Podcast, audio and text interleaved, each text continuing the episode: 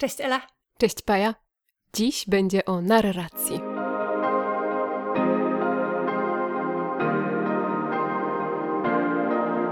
Cześć w kolejnym odcinku naszego podcastu. Dziś mamy dla Was trzy wyjątkowe książki. Tak dobrze literacko jeszcze nie było, to znaczy cały czas jest bardzo dobrze literacko, ale dziś naprawdę mamy dla Was e, no, wyjątkowe pozycje, które łączy ta tajemnicza narracja, którą Ela zapowiedziała e, zaraz na początku w zajawce. Ale rozwiniemy sobie ten temat, bo ta narracja nie jest taka oczywista, nie zawsze chodzi tylko o powieść, a przecież to głównie z powieścią mhm. narrację ideę narracji można sobie skojarzyć i, i, w tym kierunku myśleć. Ale będziemy mieć też y, wspomnienia. Oczywiście będą też dwie powieści, bo skoro narracja, no to niech się stanie zadość tej powieści. Myślę, że poruszymy sobie też wiele różnych innych ciekawych y, tematów przy okazji tych książek, prawda Ela? Tak, ja jestem bardzo podekscytowana, bo bardzo mi się wszystkie te trzy książki podobały i nie mogę się doczekać, aż się z Wami podzielę moimi przemyśleniami. Tak, bo dzisiaj jest tak, że e, ja czytałam dwie z trzech, a Ela czytała trzy z trzech, więc, więc no będzie też trochę oczywiście o wrażeniach ze słuchania, bo Ty tej jednej słuchałaś, tak, więc jak tak. zwykle pewnie nam coś na ten temat opowiesz, bo mnie już opowiadałaś. Ten wybór lektora to zawsze jest ważna sprawa w tak, audiobookach. bardzo. E, ale zaczniemy sobie od mojego top. w tym roku, ja to już jestem pewna. Odważnie, nie no, już. Na pewno, na pewno. To jest, to jest e, książka absolutnie wspaniała. Ja już wiem, że ona będzie w moim top 10. Nie wiem, czy jej nie wrzucę do jakiegoś tam książki mojego życia, czy coś takiego. Więc e, duże słowa, e, a mała książka, ale naprawdę bardzo serdecznie będę ją Wam polecać. Zacznę już w tej chwili. Chodzi o książkę Carmen Marii Machado w Domu Snów w wytłumaczeniu Łukasza Błaszczyka. I to jest książka, którą przeczytałam na początku miesiąca i która zostanie ze mną długo a mogłam ją sobie jeszcze potem e, przeżywać, bo ty skończyłaś ją czytać tak. niedawno. E, I to są wspomnienia. Zaczynamy od wspomnień i zaraz sobie myślę przejdziemy do tej narracji. Mm, a wspomnienia Carmen Marii Machado dotyczą jej e, relacji, jej przemocowej relacji z jej dziewczyną. Więc tym głównym takim tematem, który e, Carmen Maria Machado porusza w tej książce jest właśnie retrospekcja, e, pewne przeanalizowanie tego bardzo przemocowego związku i, i wzięcie go po prostu na warsztat literacki. I wydaje mi się, że to, co jest najważniejsze w tej książce, poza wieloma innymi aspektami, które są ważne i wspaniałe, jest właśnie ten warsztat literacki. Uważam, że to jest książka absolutnie wspaniała, jeśli chodzi o zabawę formą i, um, jakąś, jakieś ubieranie e, swoich przeżyć w język. Bo gdy sobie tak pomyślimy o wspomnieniach, to nie jest e, autobiografia, bo jednak to jest tylko pewien wycinek, wycinek jej życia. Tak. E, ale jak myślimy sobie o wspomnieniach, no to jednak jest to jednak pewna forma się tutaj, pomyśli, myślimy sobie, że mogłaby się pojawić. A Carmen Maria Machado, ona przekształca swoje mhm. wspomnienia. Ona je, ona przekracza tą, pewne, w pewien sposób tę formę, jaką te wspomnienia e, powinny, nie wiem, e, przyjąć. E, więc mm, ona e, ubiera swoje wspomnienia w przeróżne gatunki literackie i w przeróżne motywy literackie. Ta książka składa się z krótkich rozdziałików. Nie wiem, mają chyba najdłuższy ma może kilka z, stron, no, z kilka stron mhm. prawda? Więc mamy na przykład y, thriller szpiegowski, albo mamy musical, y, mamy bardzo różne motywy literackie i ona y, mhm. właśnie przez, prze, przez formę, przez gatunek, przez motyw y, stara się podejść do tej swojej swojej przemocowej relacji, w której tkwiła przez jakiś czas. I to jest coś, co zrobiło na mnie niesamowite wrażenie, bo to jest taki ciekawy zabieg, zaraz Ci pozwolę dojść do głosu. no trochę nie, do, nie dopuszczasz mnie, ale ja Ci pozwalam dzięki, mówić. Dzięki. E, jeszcze, jeszcze jedną rzecz, jeszcze jakąś jedną myśl, pozwól mi tylko skończyć i zaraz Cię dopuszczę do głosu. wydaje mi się, że to, co jest wyjątkowe, to właśnie to, że ona opisuje swój e, związek queerowy i, i tych związków queerowych i relacji i jakichś e, nieheteronormatywnych jest owszem już całkiem sporo w literaturze i w kulturze, jeśli myślimy szerzej, ale ciągle jeszcze nie ma ich dużo, y, a zwłaszcza brakuje y, mówienia o przemocy w queerowych związkach. W ogóle przemoc to jest y, tabu nie tylko w queerowych związkach, ale jak już sobie spojrzymy na jakąś nieheteronormatywną relację, no to to jest w ogóle coś. No a miłość queerowa nie zdążyła jeszcze zaistnieć w wielu konfiguracjach kulturowych i to, co Carmen Maria Machado próbuje tutaj trochę zrobić, to właśnie ubrać te relacje w najróżniejsze motywy, w najróżniejsze e, tropy, w najróżniejsze gatunki i jakoś e, ubarwić cały ten kalejdo kalejdoskop doświadczeń, który w kulturze jeszcze jest trochę ubogi i nie zawsze doreprezentowany. Tak, no i teraz, teraz ja już mogę. teraz już możesz. tak, ja się z Tobą zgadzam, że ta forma właśnie jest naprawdę czymś, co wyróżnia te wspomnienia na tle wielu innych i myślę, że o to właśnie chodzi, bo tak jak mówisz, to są skojarzenia z gatunkami, tak jak podawałaś przykłady thriller czy, czy musical, ale to są też e, różnego rodzaju odniesienia na przykład do popkultury. Pamiętam tam taki fragment e, zatytułowany Dom snów jako koszmar z ulicy Wiązów na przykład, albo e, różnego rodzaju gry, piosenki, wszystko co, coś, z czym spotykamy się właśnie w kulturze. I tak jak mówisz, jest to takie, taka niesamowita próba z jednej strony znalezienia jakiegoś prywatnego sposobu na uporanie się z tym doświadczeniem, zrozumienie go, ale też próba takiego ujęcia w słowa, żeby e, społeczeństwo i inne osoby mogły to sobie jakoś zrozumieć, wpisać w cały ten kontekst kulturowy i w to wszystko. Zresztą autorka też sama e, bardzo dużo szpera w, w kulturze takiej szeroko rozumianej, też e, w literaturze dotyczącej tego tematu, czyli przemocy przede wszystkim lesbijskiej na której się tutaj skupia. E, I myślę, że sama próbuje e, dojść do, do tego, e, gdzie my jesteśmy jako społeczeństwo, właśnie w kwestii analizowania tego tematu, bo tak jak mówisz, tych związków w kulturze pokazanych jest może coraz więcej, ale jeszcze nie wszędzie e, zdążyły się jakoś tak ugruntować. Tym bardziej e, nie mamy takich ugruntowanych obrazów przemocy w tych związkach queerowych. E, no i z jednej strony jest ta, ten ogromny nacisk na PR, prawda? Jest tak. też taki jeden rozdział Dom Snów jako PR. I, I są takie osoby, które mówią, nie mówmy o związkach queerowych złych rzeczy, bo one jeszcze nie są na tyle akceptowane przez ogół społeczeństwa, żebyśmy mogli dopuszczać do tego, żeby, żeby mówić złe rzeczy, prawda? Tak, bo to bo będzie my wam argument. tutaj e, małżeństwa, wy się chcecie rozwodzić. No, no przecież właśnie, jak to tak, no nie? No. Więc to jest e, pierwszy problem, z którym ona się zmaga. A z drugiej strony e, znajduje bardzo dużo istniejącej już literatury, e, gdzieś upchniętej właśnie na, na marginesie czy gdzieś w archiwach, dotyczących, dotyczącej tej przemocy w związkach queerowych i ona się zastanawia, gdzie ta literatura była wcześniej, dlaczego nikt jej nie ostrzegł, dlaczego nikt o tym nie mówi, więc to cały czas jest to balansowanie na granicy. Mówić czy nie mówić, jak mówić, jak inni zareagują, czy to będzie argument wykorzystany przeciwko nam, e, czy ja mogę kogoś uchronić przed podobnym losem, mówiąc na głos.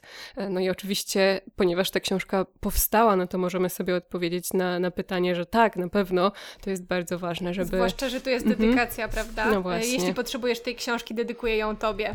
Właśnie, więc e, myślę, że to jest ostateczna odpowiedź na jedno z pytań, że jak najbardziej y, ten PR to wcale nie jest y, najważniejsza rzecz, jak najbardziej trzeba mówić o wszelkich formach przemocy, e, żeby właśnie e, inni mogli ustrzec się być może przed tym, więc ta, ta książka jest naprawdę nie tylko niesamowicie napisana, ale jest też bardzo cennym, myślę, narzędziem dla wielu osób. Tak, myślę, że ona właśnie na, na podstawie własnych doświadczeń i tak jak powiedziałaś, na, na, na podstawie tych badań, których dokonuje o, na temat przemocy w lesbijskich związkach, no to są siłą rzeczy, to jest siłą rzeczy przemoc dokonywana przez kobiety, więc ona mhm. też pochyla się właśnie nad tym e, jakimś kulturowym założeniem na temat e, kobiet i na temat tego, czy kobiety w ogóle mogą być sprawczyniami przemocy e, i, i, dlaczego nie mhm. mogą być w ujęciu takim kulturowym i co tutaj zgrzyta i co tu jest nie tak i jak bardzo to jest niewyobrażalne, jak ta niewyobrażalność wpływała na jakieś kształtowanie się poglądów późniejszych albo jakichś wzorców, które pojawiają się w kulturze, więc ta, ta analiza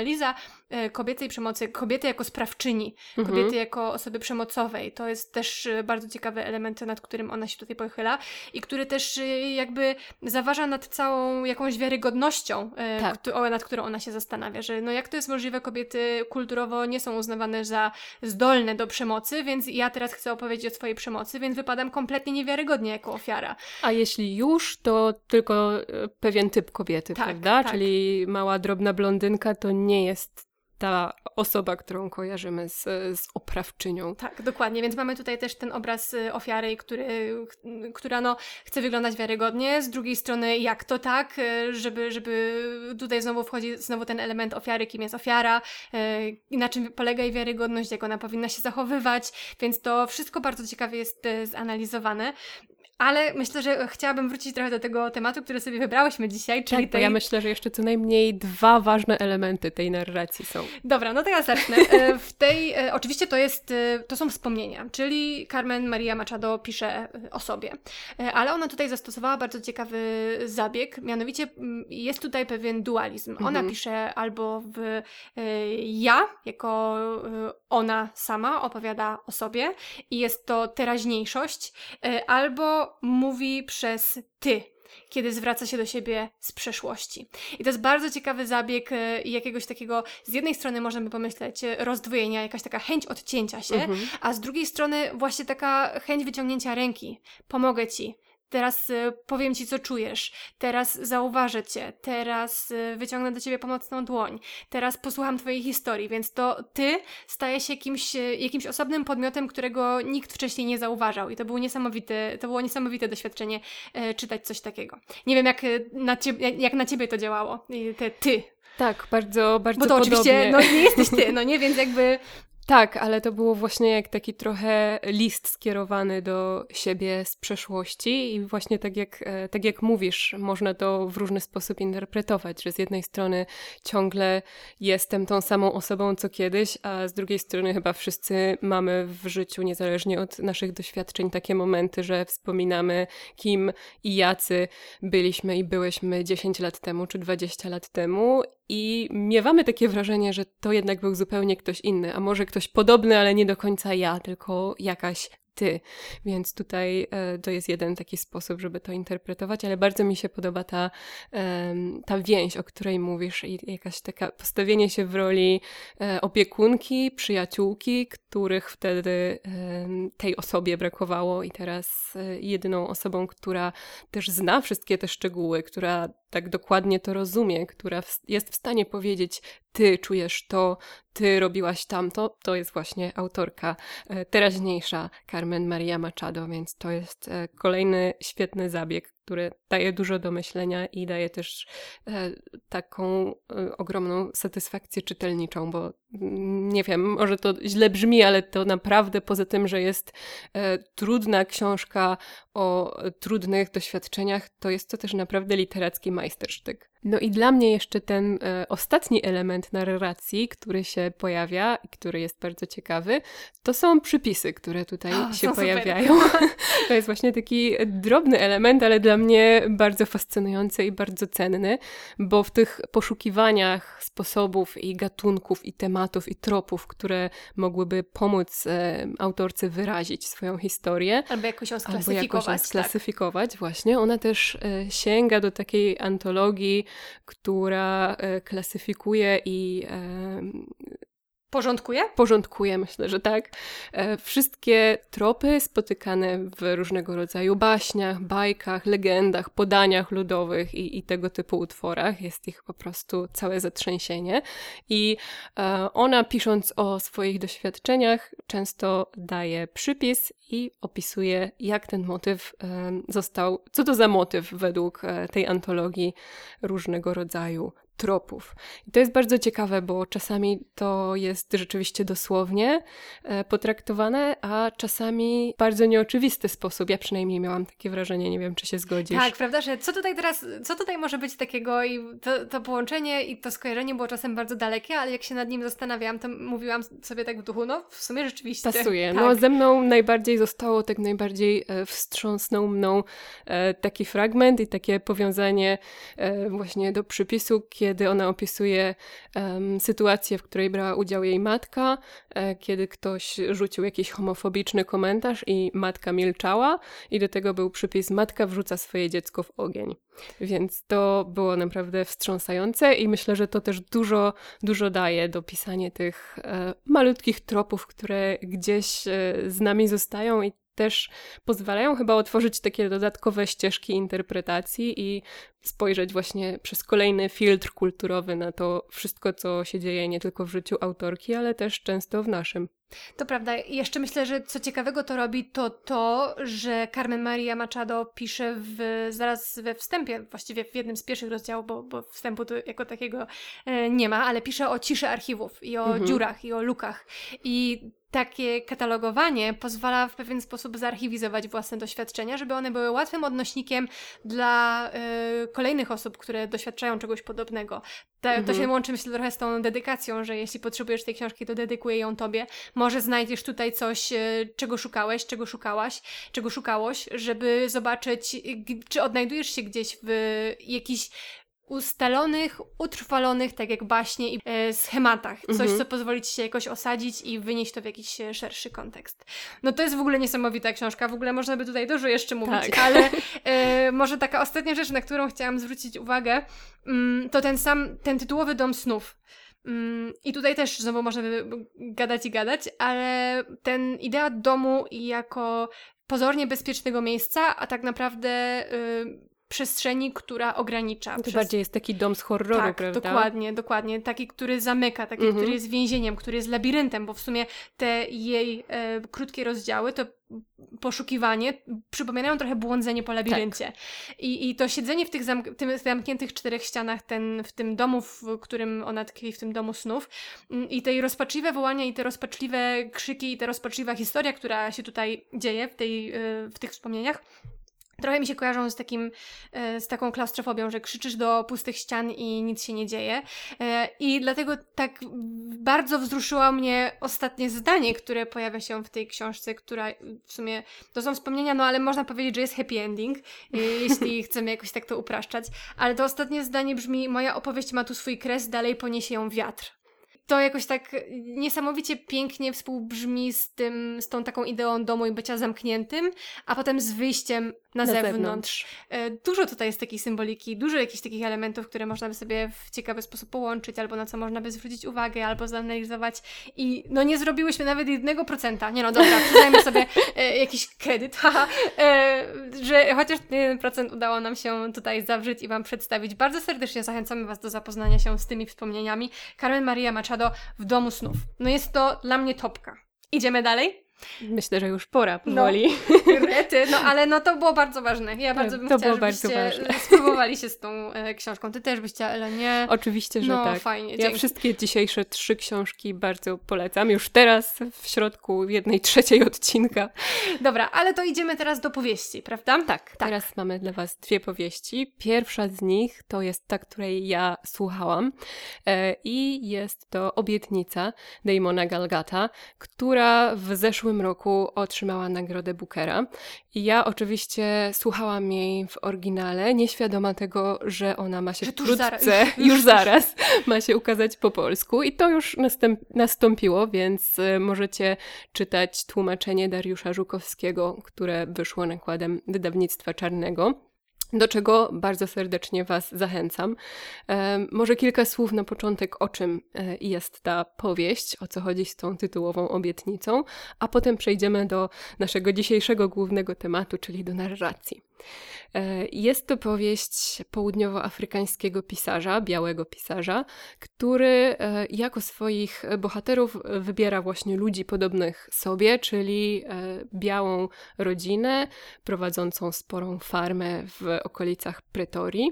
Cała historia rozgrywa się wokół czterech pogrzebów, więc mamy w tej książce cztery części i każda z nich dotyczy jakiegoś pogrzebu w rodzinie, kiedy e, członkowie i członkowie, ci pozostali jeszcze przy życiu, e, ponownie się spotykają, e, bo trzeba powiedzieć, że te pogrzeby są zazwyczaj oddalone w czasie o około dekadę, więc to jest pierwszy ciekawy element narracyjny, że my do dostajemy tak naprawdę... Takie przeskoki Takie przeskoki, tak. I tylko mamy te dosyć szczegółowo i, i tak dogłębnie napisane fragmenty, ale dzieli je ogromna połać czasu, która jest nieopowiedziana i którą my sobie musimy jakoś domyślić i dośpiewać. I patrząc na tych bohaterów i na to, kim oni teraz są, znowu mamy to takie trochę, kim jest ta postać, czy nadal jest tą samą osobą co 10 lat temu, czy tak. jest już kimś czy innym. Czy to jest jakiś inny ty, ten, no właśnie, inny on, inny on tak.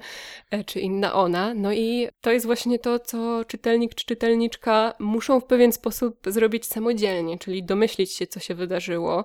E, mamy oczywiście jakiegoś rodzaju retrospekcje, czy wspomnienia, rozmowy, które dają nam pewien wgląd w to, co się działo, ale mimo to zostaje takie poczucie, że, że minęło mnóstwo czasu i jak to teraz nadrobić, tak jak w, w życiu, kiedy spotykamy się z kimś, z kim e, nie widzieliśmy się przez 10 lat, więc to jest e, pierwsza rzecz.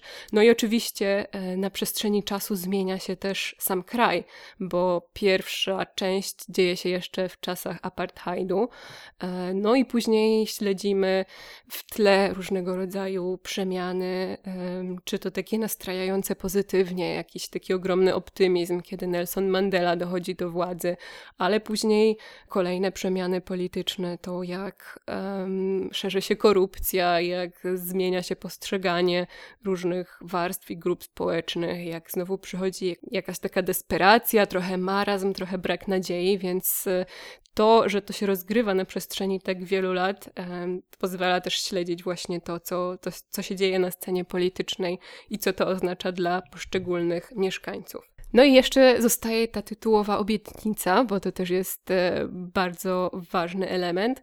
Otóż chodzi o to, że matka umierając poprosiła ojca, żeby obiecał, że przekaże mały domek na ich terenie e, jej służącej, czarnej kobiecie, która znają od dzieciństwa, która zawsze się nią opiekowała, także w chorobie e, itd., tak itd. I później e, no, możecie się domyślić, czy ta obietnica zostaje szybko spełniona, czy nie, ale nie. E, nie. Dobrze.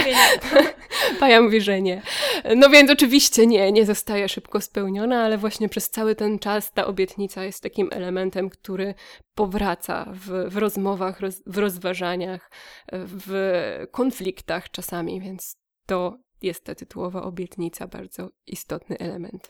No dobra, no to mamy te cztery pogrzeby. A kto jest narratorem w każdej części? Czy to się zmienia? Czy ktoś mówi przez ja? Czy jest jakiś narrator wszechwiedzący, który nas wrzuca w tę poszatkowaną przez lata y, narrację i, i akcję? Jak to wygląda właśnie od tej strony?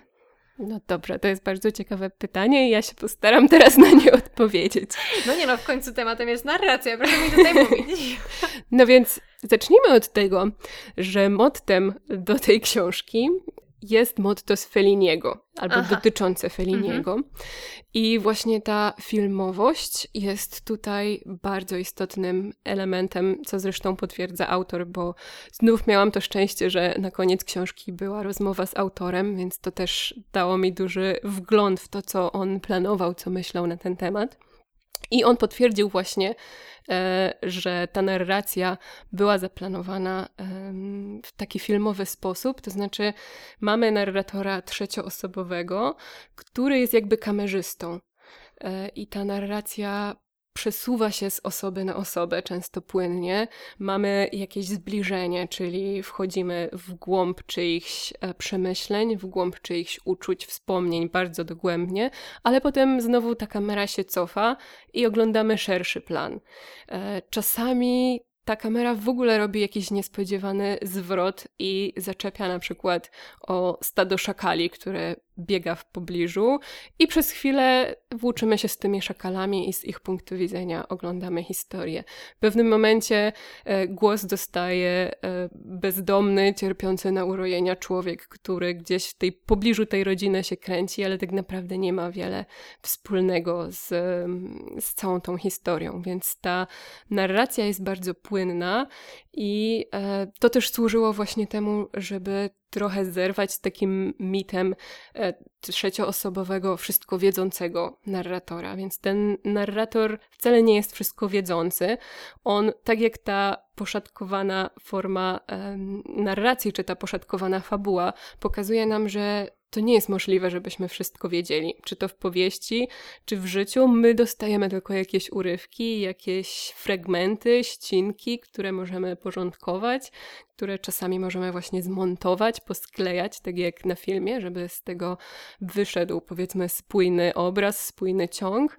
No ale nadal to jest e, czyjaś decyzja, co pokażemy, czego nie pokażemy, więc tutaj cała ta, ten interesujący aspekt tej narracji to właśnie jest ta jej filmowa płynność i to, e, że ta kamera część rzeczy nam pokazuje, część nam nie pokazuje. Nie wiemy właściwie do końca, kto ją trzyma. To jest niesamowite, bo teraz jak tego opowiadasz, myślę o jakichś moich doświadczeniach z filmami, na przykład mhm. z dzieciństwa albo już z późniejszych czasów i Oglądając film, jestem czasem zaskoczona, że ktoś się tam pojawia, albo coś jest, albo wydaje mi się, że wydaje mi się, że to było inaczej, a film pokazuje mi jakąś zupełnie inną perspektywę, więc y, to musi być bardzo ciekawe y, takie spojrzenie właśnie w kontekście literatury. I też to ostatnie pytanie, które postawiłaś, kto te kamery trzyma, no to jest, y, wydaje mi się, takie bardzo, bardzo ciekawe podejście do interpretacji całej książki i tej problematyki, którą ona porusza, jakiegoś takiego szerszego kontekstu i tej małej rodzinnej historii, no nie? Tak, zdecydowanie. Też w tej rozmowie z autorem, o której wspominałam, e, on i, i, prowadzący trochę rozmawiają o tej narracji i o tym, skąd ona się wzięła i co ona oznacza.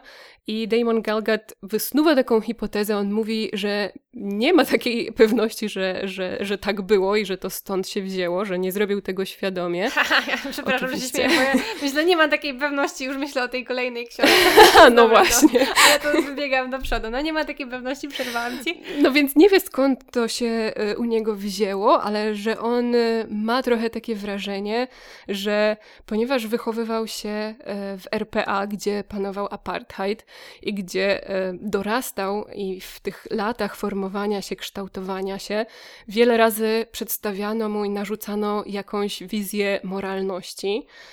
I mówiono, że tak jest, świat taki jest, świat tak wygląda, tak ma być, tak jest lepiej, tak jest dobrze, sprawiedliwie i tak dalej, i tak dalej.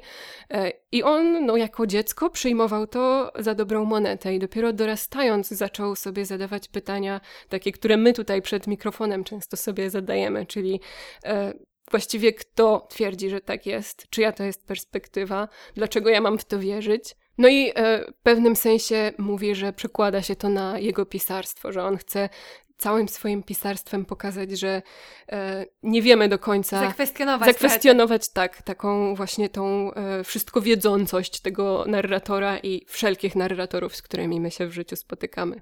No i oczywiście bardzo ciekawa jest też w tej książce właśnie kwestia rasizmu i relacji międzyrasowych. No, tak jak mówię, to jest głównie historia rodzinna, e, saga rodzinna, ale ten, ten rasizm i te napięcia rasowe w nieunikniony sposób tam e, się pojawiają i jakoś całą tę książkę przesycają.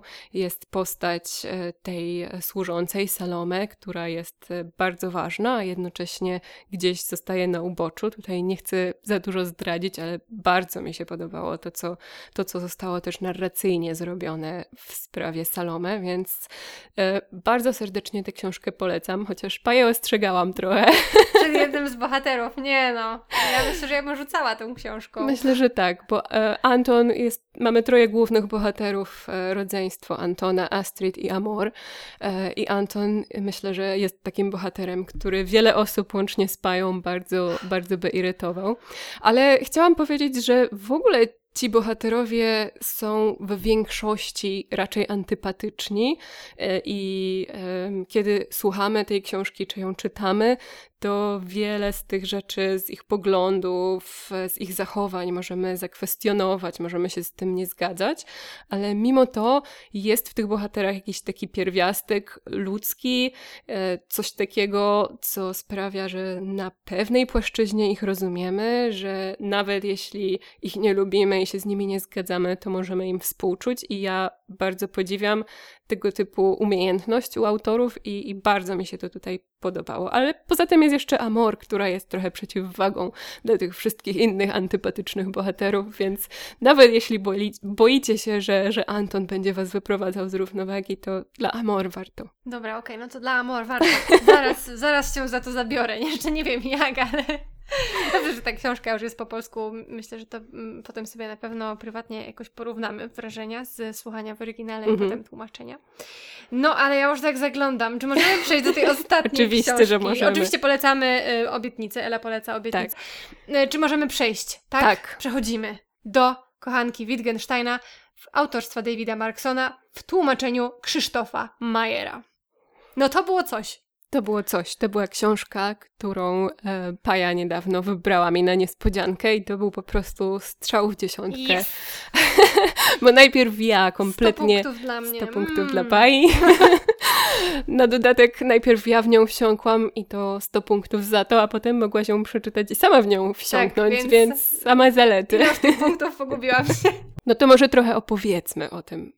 O czym jest ta książka? No nie, przecież to się nie da. Naprawdę staramy się, ale tutaj, no czy można zarysować trochę całą koncepcję Mhm. powieści.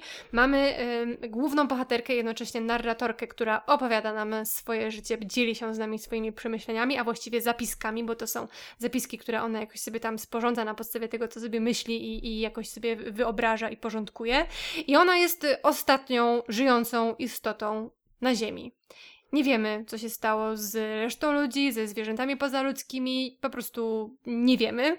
Ona jest sama i oprowadza nas, siebie, to jest też ciekawe pytanie kogo, Kogo? po tym świecie i po swoich jakichś doznaniach i po swoich przemyśleniach. No, to jest tak ogólnie mówiąc, o czym jest ta książka, chociaż ciekawsze niż to, o czym jest, to Mhm. jest oczywiście to i jak ta książka jest napisana. I myślę, że najlepiej podsumowuje tę książkę takie jedno stwierdzenie, które też pojawia się u e, tłumacza w posłowiu, Które do- bardzo polecamy. które bardzo polecamy oczywiście, ale do którego doszłyśmy e, wcześniej same, punkty, punkty, e, że tej książki nie da się zacytować. Mhm. Po prostu chcąc coś przeczytać z tej książki, gdy Ela się z niej śmiała, gdy ją czytała, ja pytam, co tam jest takiego śmiesznego? A ona mówi, no nie wiem, gdzie mam ci to zacząć Musiałabym czytać. zacząć 100 Od stron początku. wcześniej. No właśnie, więc to jest, to jest coś niesamowitego w tej książce. Myślę, że później przeczytamy Wam fragment. Czyli z- zrobimy tę niemożliwą rzecz. Zrobimy tę niemożliwą rzecz, ale to jest właśnie no, y, niesamowite, y, że, że, że tego się po prostu nie da zrobić, a wynika to z tego, że po prostu narratorka co chwilę kwestionuje i poddaje wątpliwość samą siebie, przeskakując przy okazji z tematu na temat, czy to pisząc o własnych przemyśleniach, czy to odwołując się do sztuki szeroko pojętej. Tak, bardzo dużo tutaj jest odwołań do sztuki, do kultury różnie rozumianej, ale przede wszystkim myślę, że do postaci ze, ze świata kultury, tak jakby te e, postaci, jacyś e, malarze, rzeźbiarze, artyści, Tytułowy Wittgenstein. tytułowy Wittgenstein oczywiście, a więc też filozofowie i tak dalej, dotrzymywali e, bohaterce towarzystwa. Myślę, że to jest jeden z ciekawych tematów, który wypływa z tej książki, bo to znowu jest taka książka, gdzie można by godzinami rozmawiać i wypisywać sobie e, różne tematy, które, które tutaj zaciekawiają nas podczas lektury, ale jeden z nich to właśnie jest ten bagaż, o którym narratorka często wspomina.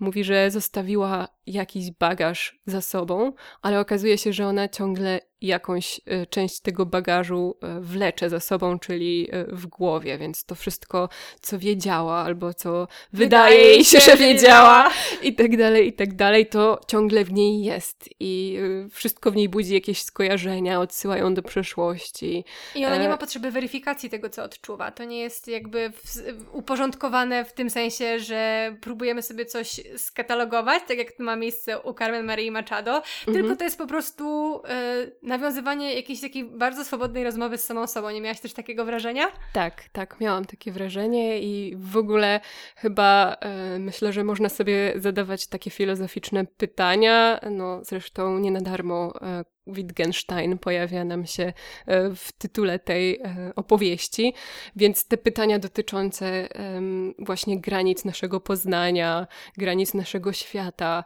tego, do czego w ogóle nadaje się język i czym jest język i czy my, jak mówimy, to rzeczywiście wyrażamy to, co chcemy powiedzieć, ale w czym język nas zawodzi, no jak się wiąże z naszymi myślami i czym właściwie jest rzeczywistość i czy nasze myśli tworzą rzeczywistość, czy to, co mamy w głowie, to też jest rzeczywistość, a może w ogóle jej nie ma.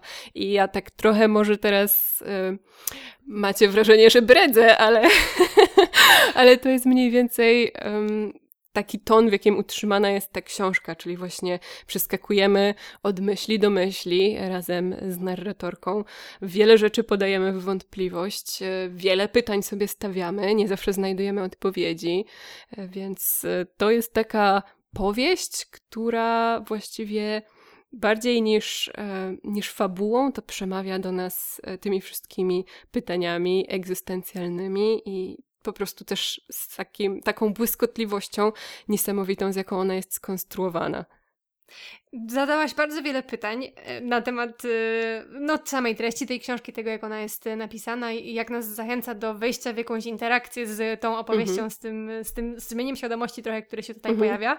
Ja mam teraz w sumie takie inne zupełnie skojarzenie, znaczy oczywiście dotyczące tej książki, ale takie pytanie, które pojawiło mi się jakoś tak podczas lektury i dzisiaj, gdy się zastanawiałam nad tym, co powiedzieć, to do mnie wróciło, bo Kate, nie powiedziałaś mi jeszcze jak się nazywa główna bohaterka, narratorka, Kate jest artystką, mhm. jest malarką i y, stara się, no nieudolnie dosyć jakoś tak y, pisać, więc to, to pisarstwo i, i, jakieś rozważania to nie jest jej domena sztuki, chociaż cała ta książka tą sztuką jest y, przesycona. I takie zadaję sobie pytanie, oczywiście bez odpowiedzi, starałam się sobie wyobrazić, jak wyglądają obrazy, które ona maluje. Mhm. Bo z jednej strony mamy tutaj oczywiście przebogaty świat e, impresjonistów. Co chwila pojawia się mowa o pocztówkach Utrilla, e, o jakichś, e, jakich wrażeniach, jakie wywołuje w niej zachód słońca i to przypomina trochę może jakiś pejzaż namalowany przez jakiegoś znanego impresjonistę. Z drugiej strony ta książka jest bardzo poszatkowana i bardzo nowoczesna w swojej konstrukcji i w swojej strukturze, więc może ona tworzy bardziej jakieś abstrakcyjne dzieła. I to takie odwoływanie się do sztuki wizualnej towarzyszyło mi trochę podczas e, mhm. lektury tej książki. Raz ze względu na strukturę samego tekstu, który no jest e, oczywiście taki bardzo fragmentaryczny, a dwa no po prostu myśląc w kontekście tego, co jest domeną tak naprawdę, jaką artystyczną domeną e, parała się i dalej w jakiś na swój szczególny sposób w tym postapokaliptycznym świecie Kate się para, więc to było takie, takie przemyślenie, które ze mną zostało, ta, ta sztuka w sztuce, która trochę tutaj jest. Bardzo ciekawe podejście. Myślę, że no tak jak mówię, można by tych podejść mieć niesamowicie wiele, więc y, mam nadzieję, szczerze mówiąc, że ktoś z Was też e, jest już po lekturze albo na tę lekturę się skusi i zrobimy kiedyś jakieś mini seminarium na temat kochanki Wittgensteina, bo to by było bardzo ciekawe, jak e, różne osoby interpretują tę książkę. E, dla mnie też bardzo ważnym tematem znowu, tak jak przy obietnicy, jest ta niewiarygodność tak. E, właśnie też wydaje mi się, że autor w podobny sposób kwestionuje i podważa e, prawdziwość czy, czy wiarygodność narracji i różnie rozumianej narracji, czy to właśnie w powieści. Czy jakichś zastanych faktów. Dokładnie, więc e, Kate jest bardzo niewiarygodną narratorką i to jest coś fantastycznego, bo cudownie się śledzi to, jak ona co chwilę sobie przeczy, zmienia zdanie e, i człowiek zaczyna się zastanawiać, czy ona robi to świadomie, a potem właściwie zdajemy sobie sprawę, że przecież chyba wszyscy mamy takie momenty, że mówimy coś sprzecznego z tym, co, co mówiliśmy wcześniej, bo po prostu jakoś wspomnienie trochę nam się odkształciło, albo e, wydaje nam się, że taka jest prawda, albo wynika to może z przejęzyczenia, czy z jakiegoś drobnego przeinaczenia faktu, więc e, bardzo e, życiowa jest ta jej niewiarygodność i tak ja sobie zadawałam pytania e, odnośnie do samej siebie, czyli czy ja jestem wiarygodną narratorką własnego życia. To jest bardzo dobre pytanie i myślę, że pozwala tak trochę z przymrużeniem oka spojrzeć mhm. na własną jakąś taką nieomylność i własne jakieś takie stuprocentowe e, przekonania. Mm, I teraz tak jeszcze na koniec, co mi się jeszcze skojarzyło trochę, to Kate jest kobietą, która została sama na całym mhm. świecie. E, I jakoś czasami pada to pytanie, e, co kobiety robiłyby, gdyby wszyscy zniknęli i nagle mieli, miały nieograniczoną wolność i nieograniczoną możliwość robienia czegokolwiek. I cudowna jest i ta zabawa ze światem, która tutaj tak. ma miejsce w tej książce i jakaś taka niesamowita spontaniczność i zakwestionowanie pewnych zastanych y, sytuacji i kulturowych norm, te suszące się ubranie i chodzenie nago na przykład teraz mi przychodzą do głowy, mm. więc w jakiś sposób to było bardzo takie wyzwalające nie tylko jakoś e, intelektualnie, ale też jakoś tak, żeby puścić wodze wyobraźni, co by było, gdybym została sama na świecie i czy na przykład zajmowałabym się zrzucaniem e, piłek e, ze schodów tenisowych, te, piłek tenisowych ze schodów, a może... Masz na myśli schody hiszpańskie schody... piłki tenisowe, tak, a nie schody tenisowe i, I piłki hiszpańskie. dokładnie, dokładnie. Więc y, to, jest, to są też bardzo takie ciekawe przemyślenia, wychodzące już poza sam tekst, takie bardziej moje y, odosobowe, odosobiste przemyślenia dotyczące tego tekstu. Ja jeszcze chciałam powiedzieć na koniec, że ta książka jest bardzo zabawna, bo tak. mówimy o wielu poważnych y, kwestiach filozoficznych i, i o bagażu kultury, postaci, tak, tak, i to wszystko, ale ta książka jest też miejscami naprawdę zabawna, więc tutaj genialnie połączone te um, komiczne elementy z tymi właśnie wszystkimi egzystencjalnymi pytaniami, więc ona e, absolutnie nie jest ciężka, moim zdaniem. Raczej e, to jest taka. Ja przynajmniej płynęłam przez tę tak. przez te opowieść, więc bardzo. Zwłaszcza, serdecznie... że tam się nie da zatrzymać, jakby no. Nie ma w ogóle końców rozdziałów, także można sobie po prostu usiąść, zacząć i przeczytać do końca. Tak. I jak ktoś wam powie, że dobrze, dojdź tylko do końca rozdziału, to macie argument nie do podważenia. Właśnie. No dobra, no to co, spróbujemy coś przeczytać? Jakiś jeden fragment z niewybieralnych fragmentów stanowiących jedną całość? Tak, wybrałyśmy na chybił trafił. Skądinąd akurat to poletko da się na obrazie wypatrzyć. I teraz widzę, że gdy powstawał obraz, faktycznie musiało być skoszone. Czego to po nie w czasie sobie człowiek nie uświadomi. Aha, póki pamiętam, teraz mam już pewność co do tego, iż zdanie, które wczoraj albo może przedwczoraj przyszło mi do głowy, to o się po nieskończonej nicości, napisał Friedrich Nietzsche. Choć równą pewność mam co do tego, że nigdy nie przeczytałam ani jednego słowa, jakie napisał Friedrich Nietzsche.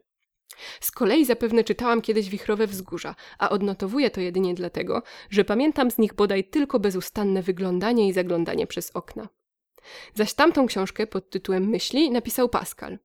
I chyba jeszcze nie nadmieniłam, że to kolejny dzień stukania na maszynie i właśnie stąd moja niepewność, czy cytat z Friedricha Niczego przydarzył mi się wczoraj, czy może przedwczoraj. Nie zrobiłam sobie żadnej notatki o tym, gdzie kończę, po prostu zostawiłam kartkę w maszynie. Niewykluczone, że skończyłam przy piłkach do baseballa w piwnicy, ponieważ baseball zawsze strasznie mnie nudził. Później poszłam na spacer plażą, aż do spalonego domu koniec, bo zostało jeszcze wiele stron do końca, ale postanowiłam tutaj urwać. Ale myślę, że wybrałyśmy naprawdę dobry, reprezentacyjny fragment, bo mamy zarówno te e, odniesienia do kultury, ale też podważanie własnych myśli, własnych zapisków i kwestionowanie e, własnego jakiegoś toku myślowego, to wątpienie, to bodajże. Właśnie te albo, słowa chciałam prawda? też zwrócić na nie uwagę. Z jednej strony to takie skakanie z tematu na temat, skąd inąd, co mi przypomina i tak dalej.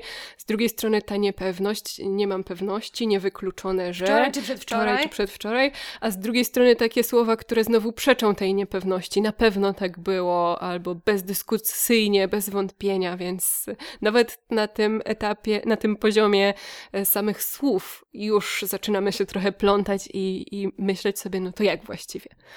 No to musicie się przekonać, jak to tak właściwie było. A ostatnie zdanie tej książki jest absolutnie 10 na 10, polecam.